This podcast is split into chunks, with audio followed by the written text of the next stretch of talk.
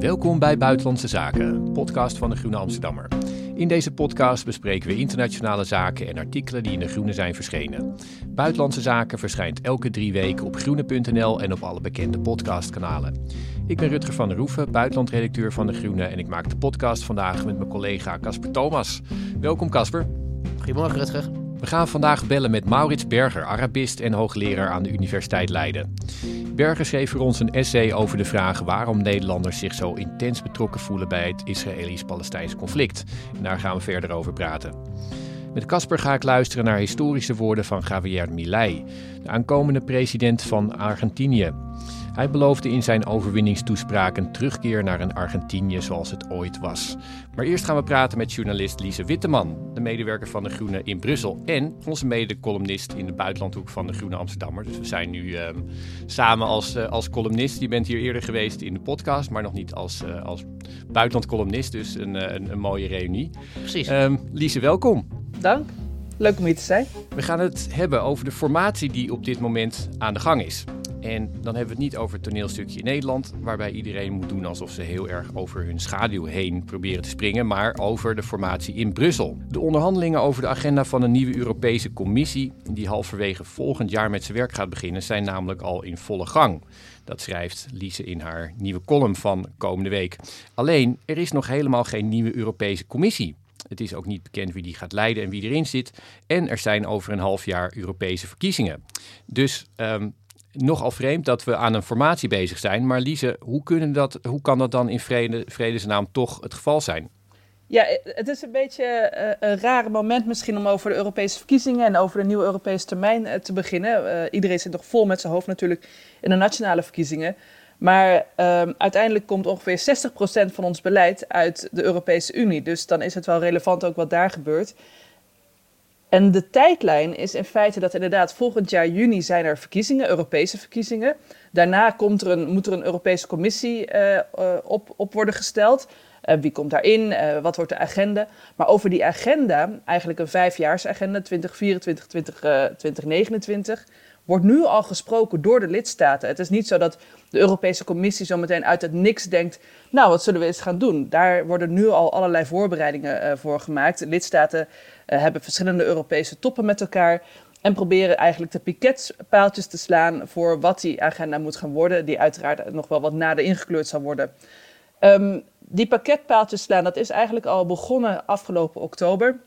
Toen was er een Europese top in het Spaanse Granada. En daar uh, is onder, onder meer uh, demissionair premier Rutte met andere regeringsleiders kwamen daarbij een om al een soort verklaring op te stellen, twee kantjes, over de richting die zij vinden dat de Europese Unie de komende vijf jaar op moet gaan. Dus het is heel interessant. Eigenlijk zijn nu de onderhandelingen bezig over wat straks in Brussel op de agenda staat. En daarom vind ik het ook heel belangrijk om er alvast over te beginnen. Want onze Tweede Kamer de nieuwe Tweede Kamer aan hen de taak om te controleren dat ons demissionaire kabinet daar wel in stopt. Wat wij namens het Nederlandse volk graag erin gestopt willen hebben. Je vertelt eigenlijk al dat dat dus niet gaat gebeuren. Want um, die formatiebesprekingen zijn nu. Maar uh, het is ook zo dat zoals jij, het, uh, zoals jij het beschrijft, is het niet zo dat er een soort van voorbereidende gesprekken of aftasten wat voor thema's er zou moeten, moeten zijn, uh, dat dat nu plaatsvindt in Brussel. Maar het echt, de echte afspraken, dat hele rare aspect van de Europese Unie volgens mij, dat, de, um, dat aan de buitenkant het lijkt alsof er een soort democratische uh, schil is, maar dat in werkelijkheid uh, de lidstaten onderling het beleid maken. Vat ik dat zo goed samen of, uh, of zit het anders? Kijk, er is nog niks juridisch bindends, om het zo te zeggen, vastgelegd. Dus niks van wat nu in die verklaring staat en wat in de komende toppen wordt besproken is al... dat, dat is juridisch bindend op wat voor manier dan ook. Aan de andere kant, kijk, Brussel is een soort machinerie en continu worden daar stukjes bijgevoegd. Iedereen stopt zijn, probeert zijn uh, ideeën in, in de, eigenlijk de grote worstenfabriek die dat is te stoppen. En dat is een molen die gaat alsmaar door. En je kan op een gegeven moment moeilijk aan het einde van de rit pas zeggen van... Uh, nu is het is pas het moment dat het juridisch bindend is. Uh, dus nu hoef je er pas serieus naar te kijken. Je moet er nu al serieus naar kijken, net zoals met coalitieonderhandelingen. Omdat dat hele proces lang als is, is een soort filter... En je kan moeilijk natuurlijk pas helemaal aan het einde van die trechter, als iedereen al helemaal door al die fuiken is gezwommen, pas zeggen: uh, nee, laten we even opnieuw beginnen. Dus daarom is het belangrijk om al heel snel uh, betrokken te zijn en heel, heel op tijd te weten wat er gaande is. dat, is, dat is de moeilijke, wat ongrijpbare beleidsprocessen die, die kenmerkend zijn voor de Europese Unie. En komt er dan uit die, uit de, uit die gesprekken, dat, dat vijfjarenplan 2024, 2029, komt daar dus ook een, een, een, een hapklaar soort document met een, met een titel en, en zeg maar, dat, dat, dat, wat je daar kunt lezen, dat je weet waar je als Europees burger aan toe bent? Ja, waarschijnlijk net nadat uh, de verkiezingen zijn geweest, dan, dan komt er een definitief soort van agenda. En dat is dan de richting die het op moet. Uh, daarmee gaat dan de nieuwe commissievoorzitter, of dezelfde als Ursula von der Leyen het weer wordt, gaat dat dan ook aan, voorleggen uiteindelijk aan het Europees Parlement. En die moet dat dan min of meer aftikken. Maar wat daar namens de lidstaten nu geprobeerd wordt onderdeel van te maken, dat proces is nu bezig. En daar ligt echt een rol voor onze nationale parlementen om te kijken wat wordt er namens Nederland nu belobbyd om onderdeel te worden van die agenda.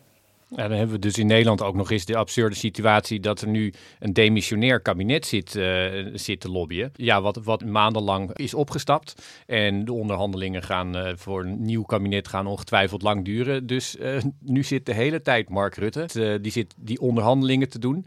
Waar ook nog eens bij komt dat Mark Rutte heel duidelijk bezig is met zijn volgende baan. Bij de NAVO bijvoorbeeld. Maar um, daar heb je dus ook een heel raar spel met de Nederlandse belangen eigenlijk. Ja, inderdaad. Ons kabinet is demissionair. Die gaat alsnog wel gewoon door met uh, proberen de Nederlandse belangen in die agenda te krijgen. Maar ja, wat zijn die uh, belangen? En met een Tweede Kamer die wel gewoon nu helemaal nieuw gekozen is, uh, kunnen, zou dus die best wel een sturende factor nog daarin kunnen zijn, als ze zitten op te letten natuurlijk. Ja, dus dan heb je het over migratiebeleid. Um, nou ja, daar heeft, uh, daar heeft Rutte zich heel erg uh, sterk voor gemaakt. Maar dat is dus ook iets wat nu afgesproken gaat worden voor de vol volgende vijf jaar. Terwijl Nederland nog een demissionair kabinet heeft en heel Europa trouwens nog moet gaan stemmen in juni. Uiteraard, met migratie hebben we de afgelopen jaren gezien dat het ook heel erg een soort crisisbeleid is. Hè? Dat, dus dat het niet echt een onderdeel was van een vijfjarenplan, maar er kwamen dan opeens kwamen dan heel veel vluchtelingen uit Syrië of uh, Oekraïne en dan ad hoc werden er allerlei plannen bedacht. wat mij heel erg opviel aan die verklaring die in Grenada werd opgesteld, is dat er eigenlijk met geen woord over migratie werd gesproken. Wat eigenlijk impliceert dat het weer een soort ad hoc beleid zal gaan worden. En dat lijkt me nou eigenlijk het stomste wat je kan doen. Uh, het lijkt me na alles wat we hebben gezien en, en, en de neiging van veel mensen om extreem rechts te gaan stemmen, om in ieder geval maar gehoord te worden op dit terrein, dat, dat er een keer een goed doorvrocht plan moet worden, dat komen dat geloofwaardig is, waar mensen zich in kunnen vinden. In plaats van de soort crisisplannetjes uh, die continu... Hè, we hebben die Tunesië-deal gehad, de Turkije-deal, um, uh, al dat ad hoc beleid. Zonder een keer een echt goede integrale visie van wat is nou een lange termijn aanpak van Europa? Wat willen we nou precies met migratie? Dus uh, nou ja, dat lijkt me nou echt iets aan de, zeker aan deze nieuwe Tweede Kamer, om te zeggen laten we daarmee aan de slag gaan. En geldt dat voor meer onderwerpen? Die, dus is, het, is hier een soort dynamiek gaan waarbij de heetste hangijzers juist even worden geparkeerd omdat dat lastig is om dat in, dat, in, die, in, die, Europese visie te verwerken? Dus dan, en dat je dan uiteindelijk toch vrij een, een, een verhaal van algemeenheden krijgt en, en, en juist de grote dossiers niet weet nog waar je aan toe bent? Ja, zeker in zo'n vroeg stadium begin je natuurlijk met, met het laaghangend fruit, hè, waar iedereen het wel zo'n beetje over eens is. Um, en, en de spannendste zaken komen tegen het einde. Wat ik ook wel opvallend vond, is dat er toch wel heel weinig over sociaal beleid, uh, Europees sociaal beleid, nog in die verklaring stond. Um, ik weet niet of, of daar überhaupt de lidstaten nog zin in hebben. En ook over potentiële uh, verdragswijziging. Uh, moeten we misschien wat meer uh, slagkracht aan het Europees Parlement geven?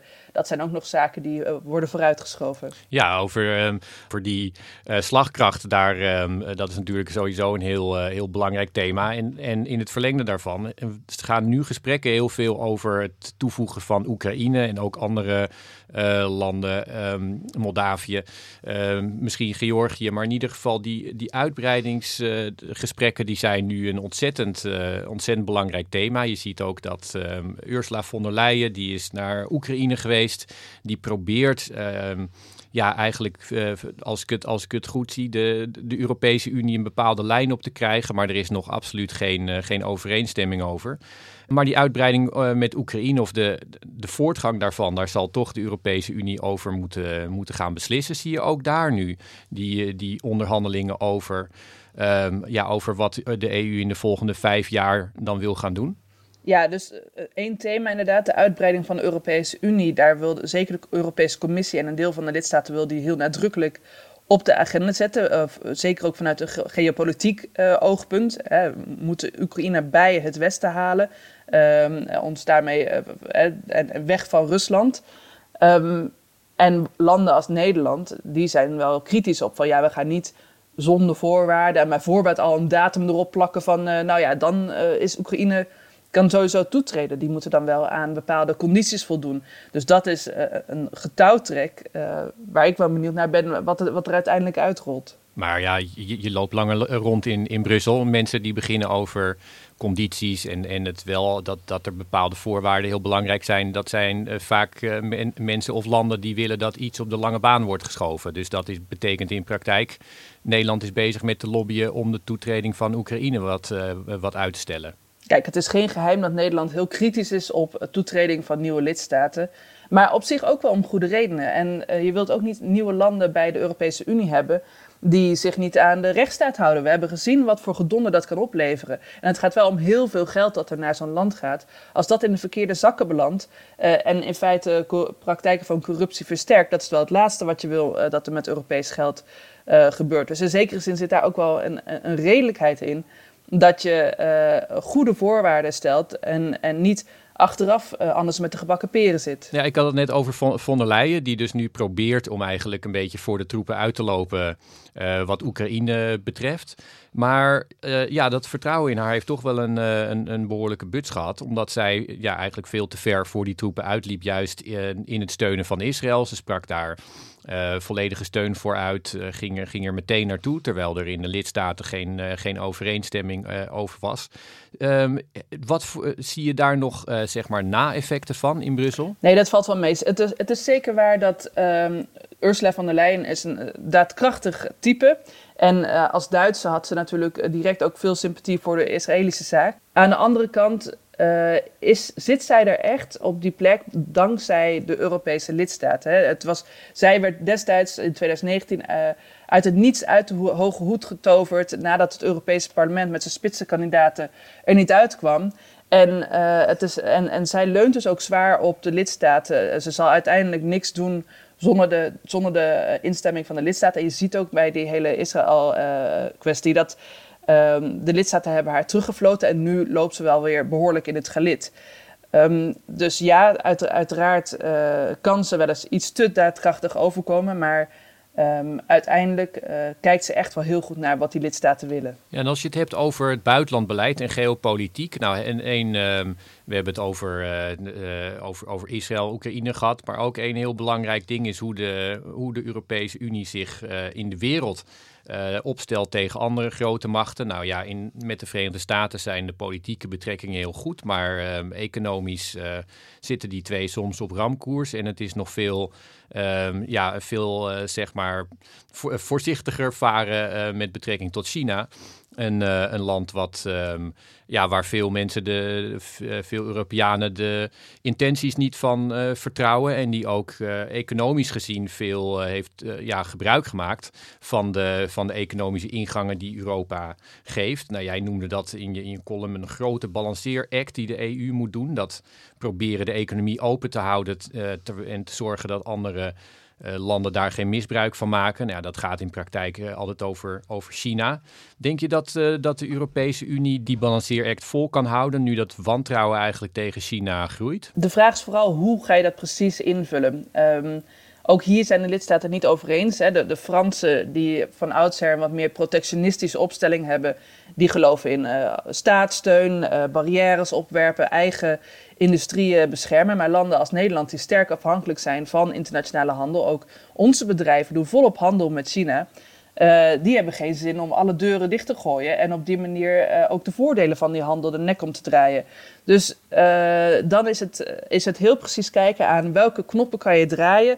Dat, op, op, op, dat je bijvoorbeeld bepaalde industrieën steun geeft of bepaalde producten uit China uh, daar zwaardere uh, eisen aan stelt. Wat voor eisen zijn dat ook? Ook gewoon in het licht van überhaupt de internationale handelsstandaarden. Wat mag je wel, wat mag je niet? Um, zeg je alleen bepaalde producten die volgens bepaalde klimaatstandaarden zijn vervaardigd? Wat zijn dan die klimaatstandaarden? Dat is echt de zoektocht. Die heel technisch zal worden en waar we met z'n allen heel erg moeten gaan opletten. Want in die kleine technische details zit vaak heel veel geld verborgen en hele grote belangen. Dus dat wordt heel interessant de komende jaren. Ja, en als je het hebt over, over buitenlandse conflicten, dan, heb, dan valt misschien het T-woord toch wat vaker in, in Brussel. Ehm, Trump, Donald, Donald J. Die, ehm, ja, de, zijn, zijn figuur groeit toch de hele tijd in de Verenigde Staten als, als iemand die de volgende Amerikaanse regering kan leiden. Als de Europese Unie praat over de volgende vijf jaar, dan neem ik aan dat er ook ingecalculeerd moet gaan worden dat we weer... Ja, clinch liggen met Amerika. Ja, eigenlijk zijn we nog steeds bezig om, om, om stappen te zetten naar, naar de vorige schok dat uh, Trump in het Witte Huis kwam. Uh, dat was toch voor, voor Europa een duidelijk moment van, ah, misschien moeten we wat minder uh, op, op de Verenigde Staten leunen, bijvoorbeeld als het gaat om defensie. en wat meer onze eigen eigen geopolitieke grootmacht gaan worden. Maar ja, wat is dat een groot, uh, geopolitieke grootmacht? Hoe, wie zijn wij als Europa, als geopolitieke grootmacht? Wat is onze stem? Uh, dat is een zoektocht. Die, en daarvan heb je echt kunnen zien, uh, laatst bij, nu in het Israël-conflict en in het Gaza-conflict, van die, die, verwarring en, en die zoektocht en die, ja, dat, dat we het nog echt niet met elkaar eens zijn over wat ons geluid dan is en waar we dan wel of niet steun aan geven. Um, maar dat is een zoektocht die al een aantal jaar nu bezig is. En, en die, uh, waarvan de Europese lidstaten die ook nadrukkelijk op de agenda zetten. Ik vind het wel een beetje, misschien is het een beetje populistische noot hoor. Maar ik, ik, ik merk in dit gesprek wel een beetje wat, wat toch weer een terugkerend probleem is van, van de hele verhouding tussen Europese politiek en nationale politiek. We begonnen dit gesprek met hoe ingewikkeld die tijdlijn eigenlijk is. Er is dus blijkbaar een formatie gaande, maar de, verkiezingen die zitten daar weer na. Ondertussen uh, worden de, zeg maar, zitten de processen in de maak. Weet ik veel, is er een Europese Green Deal. De, dus weet je, het is, het, er zijn zoveel tijdslijnen tegelijk gaande. Dat, en als, als brave EU-burger en geïnteresseerd journalist raak ik ook hier het spoor bijster. En snap ik wel dat mensen denken, ja, dit, dit, dit, dit kan ik gewoon niet behapstukken. Dus is dat, volgens mij is, ja, weet het is een beetje gewoon even een constatering. Staat dat op de agenda? De, nee, weet het is gewoon een gevoel dat mij bekruipt tijdens dit gesprek. denk ik, jezus, wat is dat toch eigenlijk ingewikkeld? En dan, dan snap ik dat dat iets is wat gewoon een ver van de bedshow Nee, het is heel ingewikkeld. Het gaat over enorme dossiers, enorme belangen, de meest complexe vraagstukken. Hè, kijk, een besluit over hoe moet de stoep voor mijn deur ingevuld worden. Dat is natuurlijk een stuk overzichtelijker dan hoe moet het wereldwijde klimaatbeleid uh, evenwichtig en, en, en duurzaam opgesteld worden. En um, uh, een groot nadeel is. Kijk, uiteindelijk is alles in, stukjes op te hakken en, en te bespreken.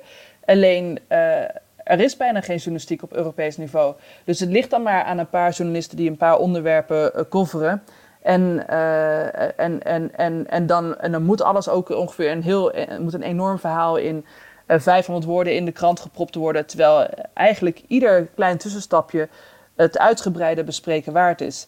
En dat is een, een democratisch probleem. Ik denk namelijk niet dat het niet te begrijpen is en dat het niet in stukjes op te hakken is en in, tastbare problemen te doorzien is.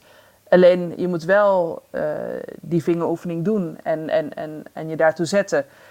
en, en de kranten moeten daar dan wel gevuld mee worden. En zodat ook de Tweede Kamer daarmee ook echt aan de slag kan. En dat is een, ja, een, een stap waar we nog ver van verwijderd zijn. Uh, nee, het lastige is, daarom is dus ook, wat Rutte zei, is de interne hervorming van hoe de, de EU werkt, is dat ook een onderwerp. Zeg maar, je merkt ook ook in dit gesprek, voordat je naar de, de inhoud toe komt, zeg maar, dus de vraag, weet ik veel, hoe ziet een goed klimaatbeleid, moet je eerst even een, hele technische handleiding doorlopen van hoe, hoe werkt het ook alweer precies? Wie gaat waarover en, en wat wordt wanneer vastgesteld? En dat... Ja, maar dat is dus, dat, dat hoef je niet als het gaat over de Tweede Kamerverkiezingen. En dat is puur omdat er zoveel verslaggeving over is, dat dat nu inmiddels wel in de begrip van de mensen ingebakken zit. En um, dat is een beetje een kip-ei-probleem waar we natuurlijk in zitten. Het is heel complex, dus schrijven we er minder over, dus is er minder aandacht voor, uh, wordt er nog minder over geschreven. Ja, de enige manier om dat te doorbreken is om tegen de klippen op toch daar veel over te gaan schrijven. En inderdaad, zoals jullie nu hier aandacht aan geven, uh, uh, dat mensen langzaam begrijpen, oh, er is ook zoiets als een Europese cyclus, waar nu al over gesproken wordt, waar uiteindelijk een agenda uit gaat rollen die gaat bepalen hoe de, hoe de komende vijf jaar het beleid er min of meer uit gaat zien. Uiteindelijk is dat ook weer niet zo moeilijk. Het is een kwestie van eh, vaak genoeg horen dat het, dat het in je systeem raakt. Ja, maar misschien toch ook om, um, nou ja, we hebben hier nu die, uh, de overwinning van Wilders gezien, maar wat er ook in, in je verhaal zit is, als je een unie hebt die over zo lange tijd regeert, over zoveel, uh, zoveel landen. Er zijn allerlei dossiers, uh, nou ja, de, de economie, maar de Europese Unie probeert ook geopolitiek, sociaal beleid en dergelijke. Als, er, als je dus zo gaat, um, zo'n ingewikkeld systeem uiteindelijk optuigt om dat te, uh, te besturen, ja, je kunt wel burgers er beter over, over inlichten, maar er is toch ook, zul je, ontkom je er niet aan, dat er dingen worden besloten intern door een bepaalde elite, zou je kunnen zeggen.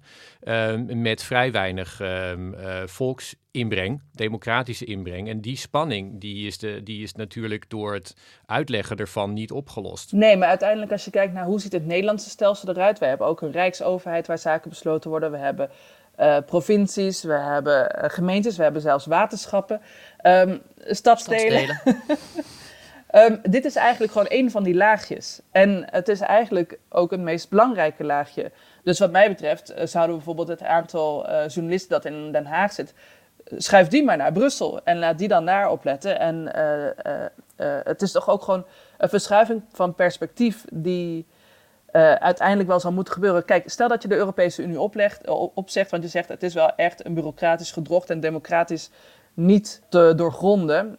Maar ja, dan gaan al die lidstaten dit soort deeltjes ook sluiten, want ja, het zijn allemaal overkoepelende vraagstukken. Alleen dan helemaal achter gesloten deuren en zonder een, een, een openbare agenda en zonder een Europees parlement. Um, dus ik, ik, denk dat dit uh, van alle kwaden nog het beste van, uh, van, van de kwaden is. En dat, dat we dan maar moeten proberen hiervan het beste te maken. Ja, net zoals, uh, zoals de democratie, de slechtste van alle staatsvormen, behalve alle andere. Overigens vind ik wat, wat, wat Lise zei wel, wel een goed punt ook voor, voor deze podcast. Is namelijk, kijk, we hebben nu bijvoorbeeld Europa behandeld. En dan hebben we zo mooi. We hebben weer een keer Europa in de podcast gehad. Maar wat gaan we doen? Enorm veel. Veel onderwerpen en een, en een technisch verhaal. Uh, eigenlijk zouden we zeg maar, het aan onszelf verplicht moeten zijn om dat dus ook kleiner te maken. Zeg maar. Van hey, we gaan het vandaag alleen over, uh, weet ik veel, uh, de, de, de verhouding EU-China hebben als het ware. En, en het daarbij houden. Want anders, dan, anders blijft het elke keer zo'n zo'n moloch. Ja, goed punt. En, en want ik ben ook helemaal niet expert op ieder klein, ieder klein deelonderwerpje. Knip dat er maar uit, veel... dat, mogen, dat, mogen, dat mogen de luisteraars niet horen. Nee, ik, eh, ik volg het globale verhaal. Maar ook dan, en dan kan je ook laten zien uh, dat ieder onderwerp, weet je, Europa wordt nu toch behandeld als, als buitenland. Hè, dit is ook de buitenlandpodcast, wat eigenlijk natuurlijk belachelijk is. Europa is onderdeel van ons binnenlandbeleid. Uh, Um, en dan kan je ook laten zien in hoeverre en waarom dat onderdeel is van wat er in jouw portemonnee uh, uiteindelijk uh, zich afspeelt. Uh, dus zo zou ik het ook graag willen presenteren. Nou, het is een, een, heel, een heel fundamenteel gesprek geworden. Uiteindelijk heb jij ervoor gepleit om, um, om je eigen plek met allemaal concurrenten te gaan bevolken. Dus nou, dat vind ik heel, heel altruïstisch. Laten we in ieder geval vaker spreken, lijkt me, over, over deze zaken en ook over die deelzaken zoals je voorstelt. Leuk. Dank voor deze, deze inkijkje in wat er nu in Brussel gebeurt. En um, tot ziens in, in Buitenlandse Zaken. Dankjewel, tot ziens.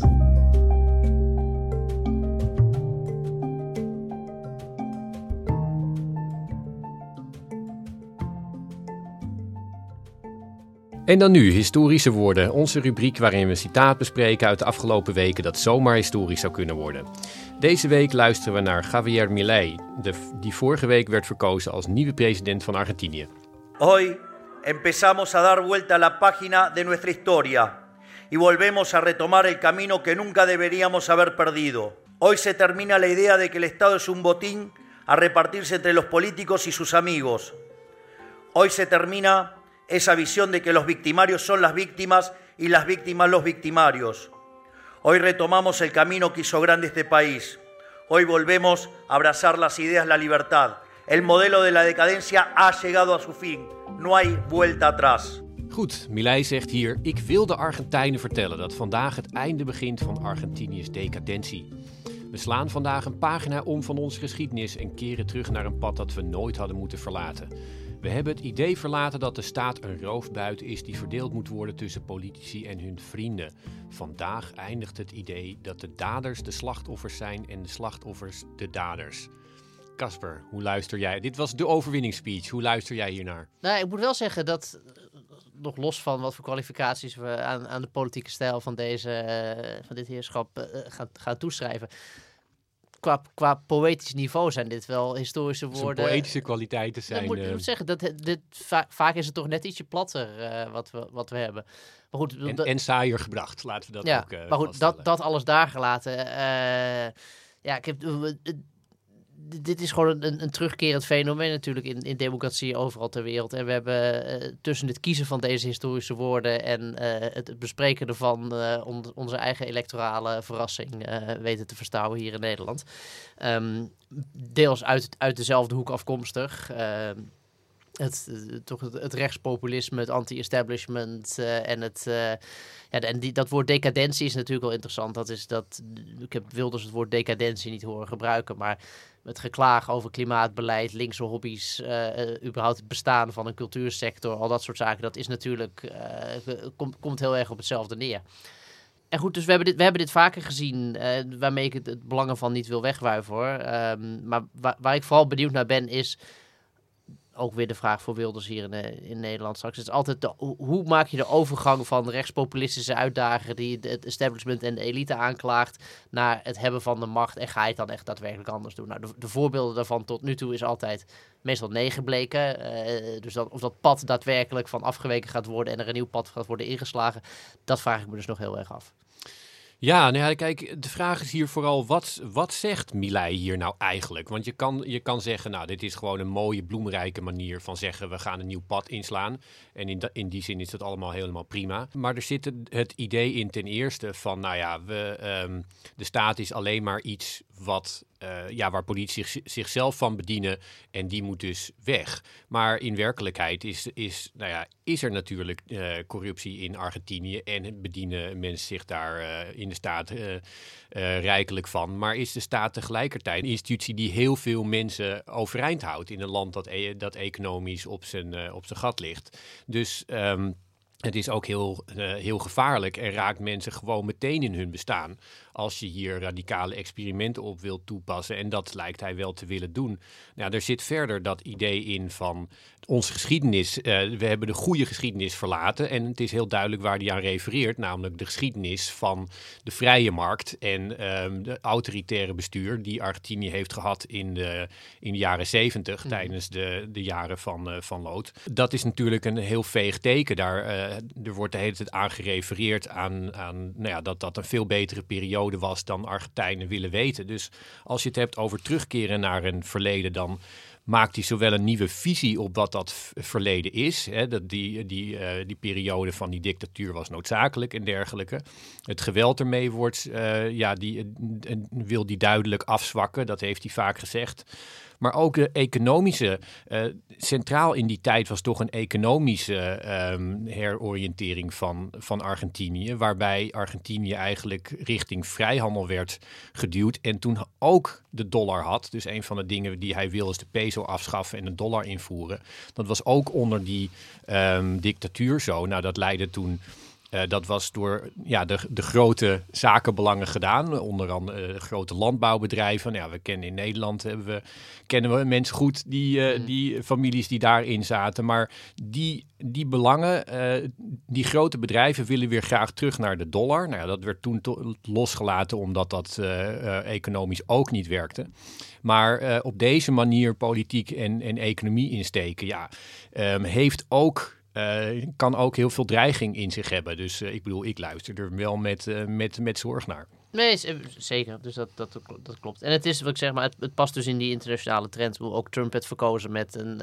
we gaan terug naar hoe het was, want toen was het beter. En dat zit ook achter de wilde stem. En dat zit ook achter de stem op, op Milei. Het is gewoon, ik zeg, die, die, die beweging duikt constant op overal in democratieën in, in de wereld. En, en elke keer is de vraag of het nou ook echt een, zeg maar in bestuurlijke zin een lang leven beschoren gaat zijn. Uh, of dat de teleurstelling toch groot gaat zijn ten opzichte van de verwachtingen die, die, die worden geschetst. En het is dus interessant dat die, dat die rechtspopulistische beweging zo'n anti-staatshouding heeft. Dat, dat, dat heeft Wilders ook en dat had Trump ook. En dat omdat er toch wordt gezien dat dat, iets is waarmee, waar, waar inderdaad de, de klasse waar deze politieke stroming een hekel aan hebt, zichzelf te veel mee bevoordeelt. Dus dan kun je het maar beter allemaal kapot maken. Maar goed, dan gaat er dus daarmee dus ook een hoop extra drama uit aan, aan, aan sociaal beleid en al dat soort zaken waar mensen misschien wel wat aan hebben. En dat is dan weer de vraag hoe de, kiezer hoe, de, hoe de kiezer daarop reageert. Dus dat is de dynamiek die we volgens mij in Argentinië in de gaten moeten gaan houden. Ja, en wat ik, wat ik wel ook heel, heel opvallend vind, is, is dat in Argentinië zelf, maar jij, jij zegt net ook, en wat het met Wilders hadden we ook weer aan de, aan, bij de kop. Veel mensen die zeggen, nou, ik denk dat de soep uiteindelijk niet zo heet wordt gegeten als die wordt opgediend. En deze Milei is, uh, die, die dient de soep heel heet op. Ik bedoel, hij staat dan met een uh, kettingzaag op het, um, op het podium en zo en, en, en roept wilde dingen. Maar ik vind het gewoon toch heel raar dat we democratieën over de wereld, over de hele wereld zien. Nederland inclusief nu ondertussen, waarbij mensen, waarbij stemmers achteraf zeggen: ja, ik, um, ik denk dat, het, uh, dat deze kandidaat niet zo radicaal zal zijn, want hij zal toch wel water bij de wijn willen doen. Maar het is dus een soort, ook een soort experiment waarbij mensen bereid uh, zo genoeg hebben van de status quo dat ze bereid zijn om echt wilde experimenten te geven en dan maar afwachten of het zo erg uitpakt als iemand zegt. En dat is toch een, een absurde manier van ja, met, je, met je democratie omgaan. Dat neemt heel veel risico's. Aan de andere kant laat het ook de frustratie zien. Maar het kan niet um, eindeloos, kan dat overal goed blijven gaan, uh, denk ik dan. Nee, nee, dus die zin hou ik ook mijn hart vast.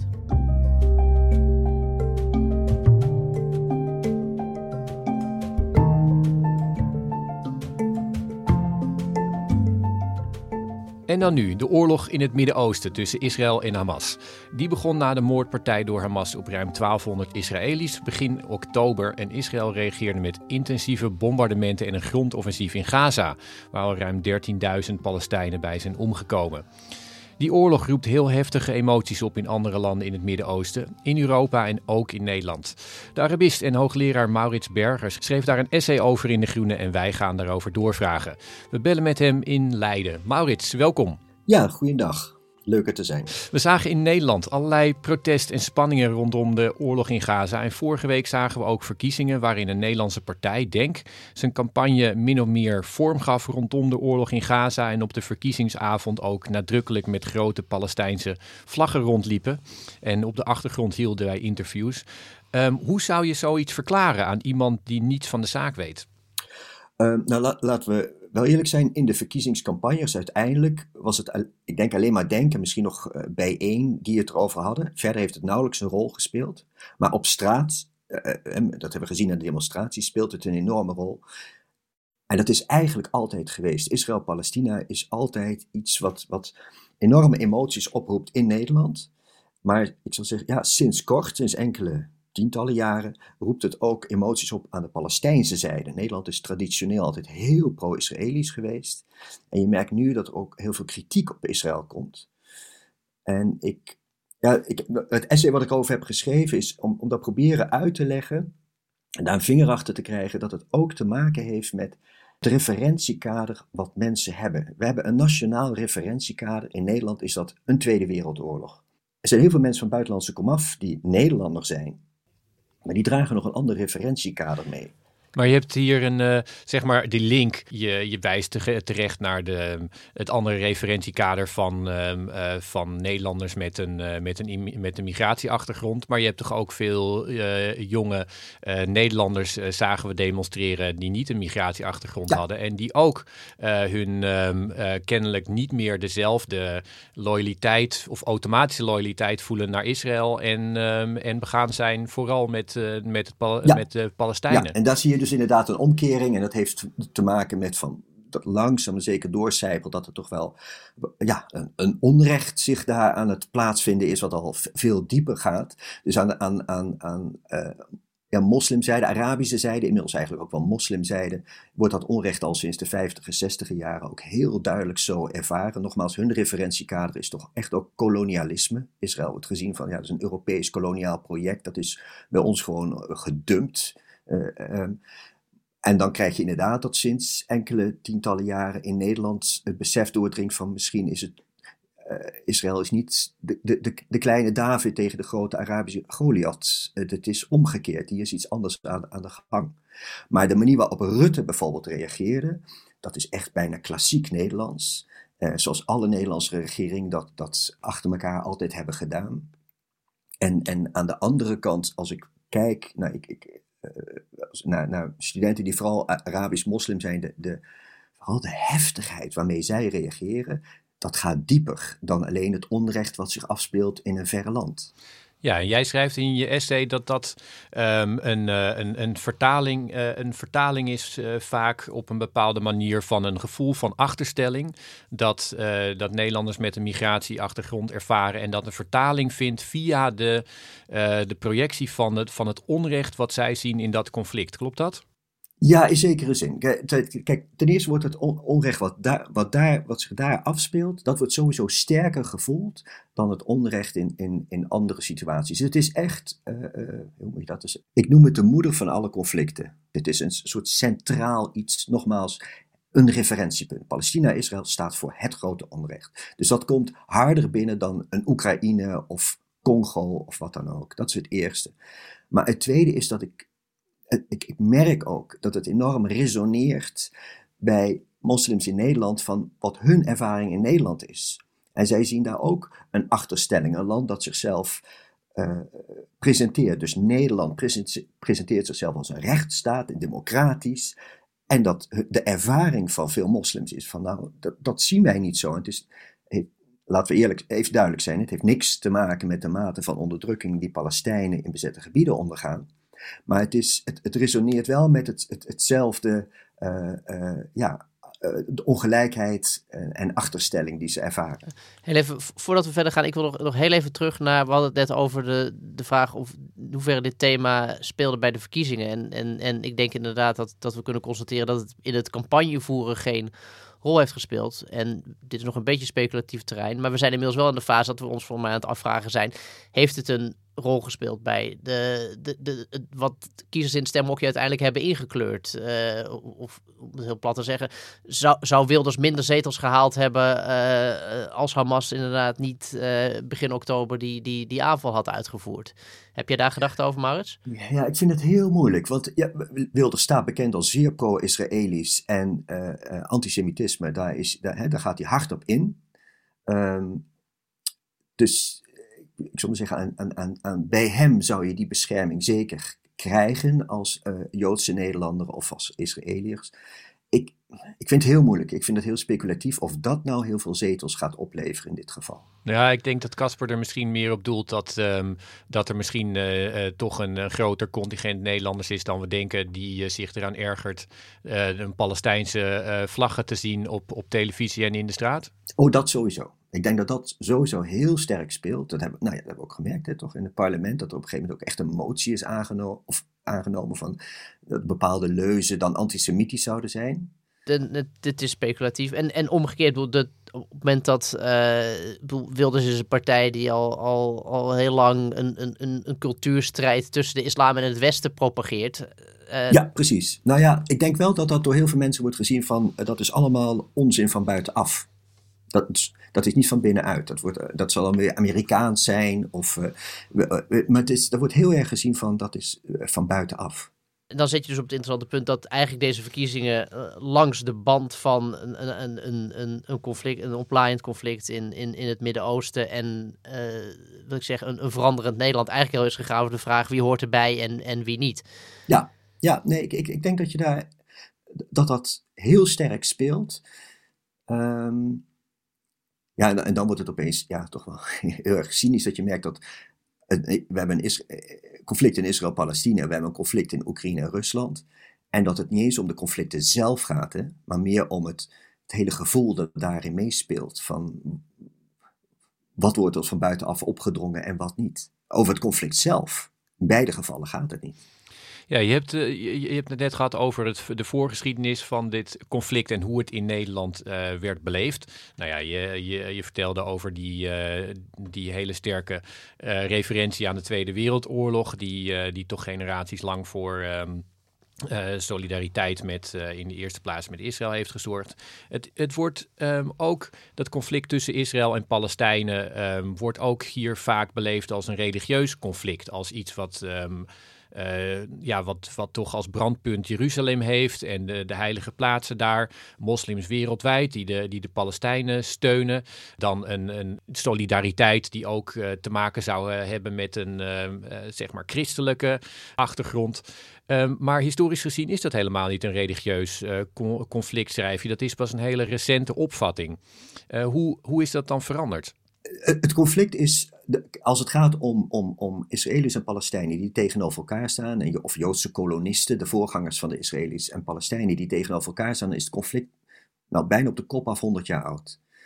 En het, het is een conflict om land, om, om, om territorie. Van wij willen hier wonen, ja, maar dat willen wij ook. En in beide gevallen merk je dat het, het, het, het er kunnen wonen ook het bestaansrecht betekent. Het is niet zomaar een plekje om te wonen, het is echt jouw bestaansrecht. En dat bestaansrecht heeft zich in de eerste, wat zal het zijn, 50 jaar van dat conflict, heel erg vertaald in nationale en nationalistische termen. En in, ik zou zeggen, wat is het, de 70 80 jaren, is dat omgekeerd. Is het, heeft het een draai gekregen en heeft het nieuwe terminologie gekregen, namelijk religieuze. Dus aan de Israëlische kant wordt niet gesproken over westelijke Jordaan of over bezet gebied, maar over Judea en Samaria en in een, of een bijbels land.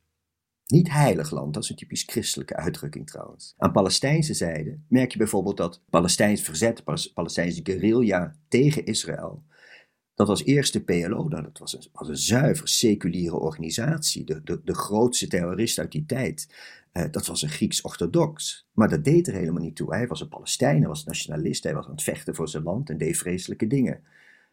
En dat is later overgenomen, de Hamas. En die hebben het allemaal weer vertaald in religieuze termen. Dus, eh, dus die hebben het niet over verzet, maar die hebben het over een jihad. Dus eigenlijk de verpakking van het conflict, conflict over land, die eerst in nationale termen en toen in religieuze termen gebeurde. En daarom verbaas ik me zo over dat het uh, ja, dat mensen zeggen, ja, dat is een religieus conflict. Ja, er wordt niet gevochten om religie. Religie is niet de oorzaak van het conflict. Religie is niet waar het om gaat. Religie is de verpakking. En dus als je zegt, we gaan een moslim-joods dialooggroep oprichten, ik vind alle dialoog is prachtig. Maar ik zeg, ja, maar volgens mij sla je dan de plank mis. Dat is niet waar het om gaat. Dat is niet waar Israëliërs en, en Palestijnen elkaar over in de haren vliegen. En waar, hoe, hoe zou jou, als jij de dialoogleider hier in Nederland zou zijn van een, van, van een, van een groepje, hoe, hoe zou je die dialoog dan, dan, dan adverteren? Nou, dan heb je een tweede ding waar ik ook een klein beetje mee zit. Dat is een dialooggroep in Nederland. Ik bedoel, wat, wat willen we met zo'n dialooggroep? Wat ik, wat ik nu bijvoorbeeld doe met, met studenten, ik, ik geef een van de vakken die toevallig nu doseer is eh, Politics of the Middle East. In het Engels zitten buitenlandse studenten. Daar zitten Israëliërs, er zit één iemand uit de Westbank, er zitten Arabieren, maar er zitten ook Nederlandse moslims van Afghaanse origine. En, en ik heb een aantal van die mensen bij elkaar gezet. En als je dan Israëliërs en Palestijnen bij elkaar zet, ja, dan heb je echt een heel ander gesprek. Dan als je een Amerikaanse Jood en een Nederlandse moslim bij elkaar zet. Want die Israëliërs en de Palestinen, die hebben het over hun toekomst. Het gaat heel concreet over hun land en hoe gaan we dit doen.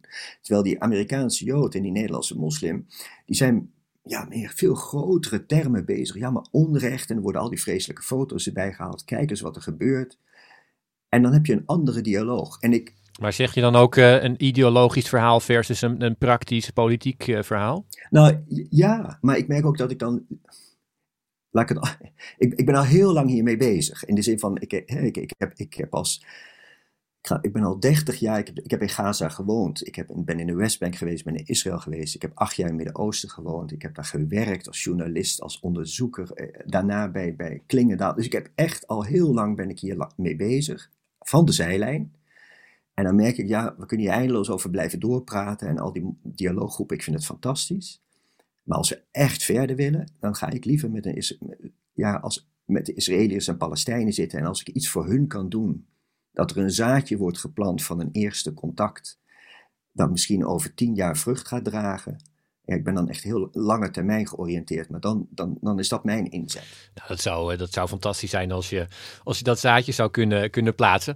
Ehm, maar uh, nee, dat, um, ik begrijp heel goed wat je, wat je zegt. Uh, laat, laat ik, ik wou nog even vragen over een ander um, aspect wat, je, wat je toen net hebt aangeraakt. Dat binnen dat naar binnen vertalen van dat Israëlisch-Palestijns conflict. Dat zie je dus in uh, Nederland, in de politiek en op straat. Ja. Um, en je schreef in je essay dat je dat ook ziet in het Midden-Oosten. Je haalde bijvoorbeeld het voorbeeld aan van Iran, waarin voetbalstadions tegen Hamas wordt gezongen, omdat supporters daar ja. een hekel hebben aan het Iraanse regime. En het Iraanse regime is pro-Hamas.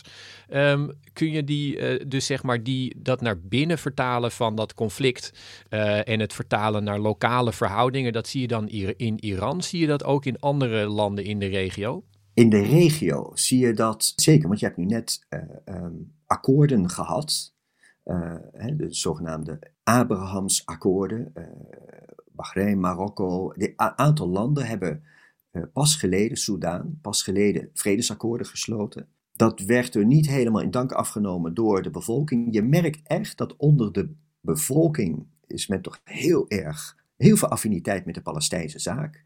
Het is nog steeds het grote onrecht, wat ook zo wordt gevoeld. En de overheden, de regimes, zijn veel pragmatischer. Maar, maar speelt daar dan. En ik denk ja, dat sorry dat ik je onderbreek. Maar als je bijvoorbeeld een, als Ja. Egyptenaren. Ik, ik, ik hoorde dat afgelopen. Dat, dat vorige week Egyptenaren waren gaan demonstreren. Nou, dat mag in Egypte niet. Maar ze mochten demonstreren voor de Palestijnen.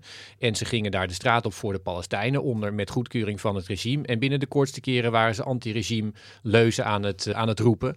Dus kennelijk is daar ook een, een, zeg maar een onvrede met, eh, met, met de oorlog. Vertaalt zich dan aan, eh, naar een hekel aan het, aan het regime. Ja. Is dat dan, zie je dat vaker zo? Dat die Ja, nou- dat solidariteit met de Palestijnen wordt vertaald in de, de afkeer van de, van de eigen situatie? Ja, met name als regimes zich daar dus eh, eh, maatregelen nemen die daar haaks op staan. Saudi-Arabië st- stond op het punt om ook een vrede te sluiten met, met, met Israël.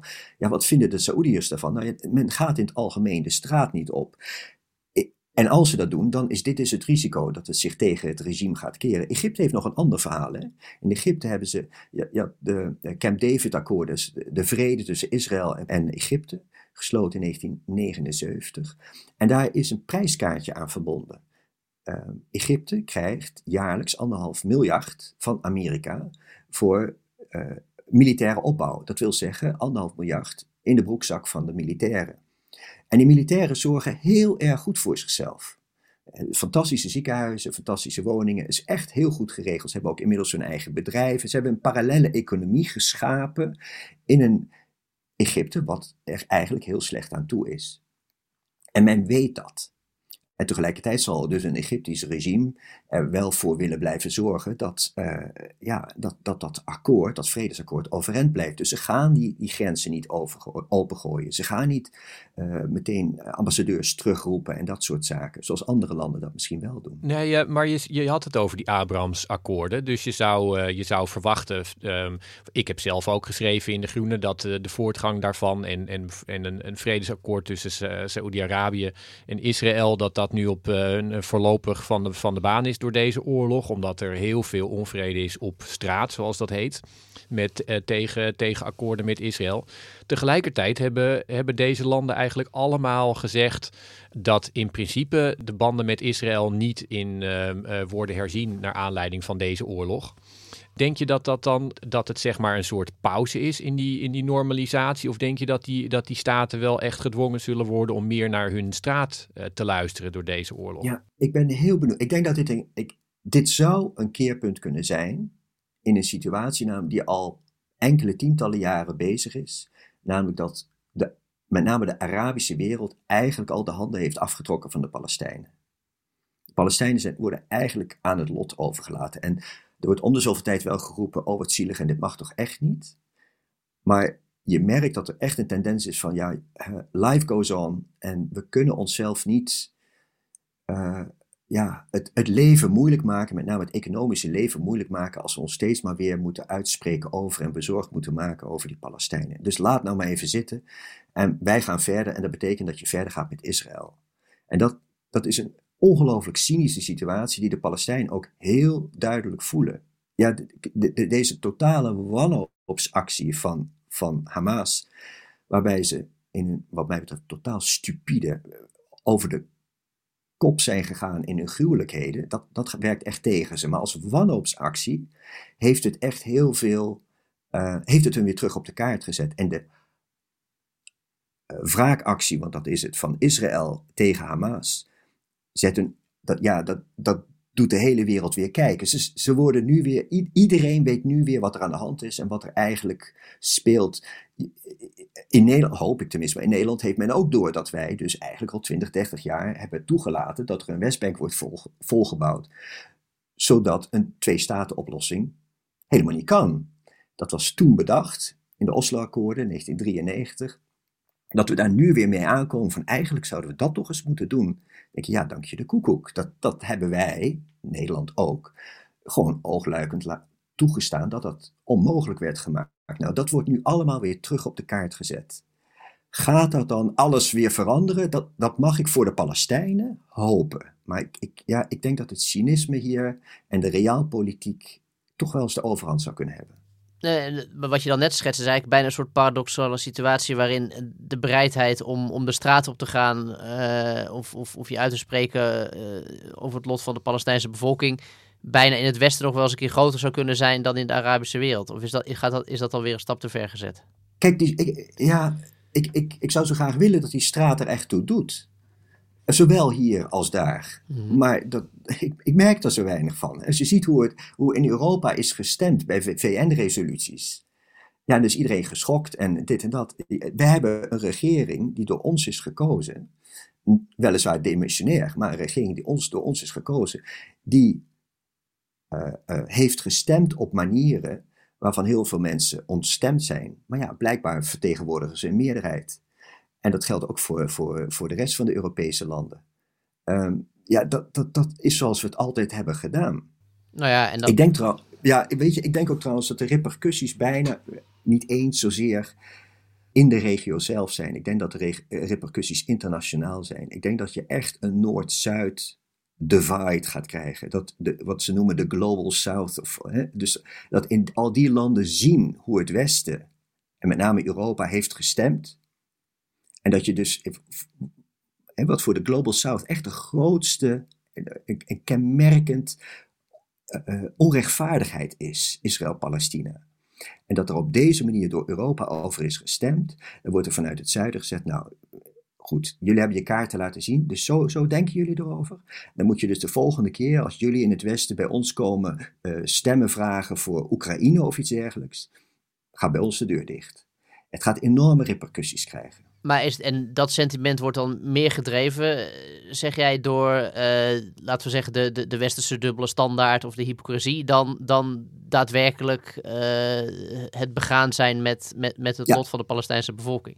Ja, en dat is een enorm cynische observatie, maar dat cynisme speelt eigenlijk al tientallen jaren. We vinden het allemaal vreselijk zielig, maar uiteindelijk gaat, er is bijna niemand die echt optreedt voor de Palestijnen, die zich hard maakt voor de Palestijnen. Al tientallen jaar niet, ook Arabische landen niet. Nou ja, goed, en met een recente verkiezingsuitslag in Nederland, om het weer even naar het begin van dit gesprek te draaien, uh, zal, zal dat zeker niet veranderen.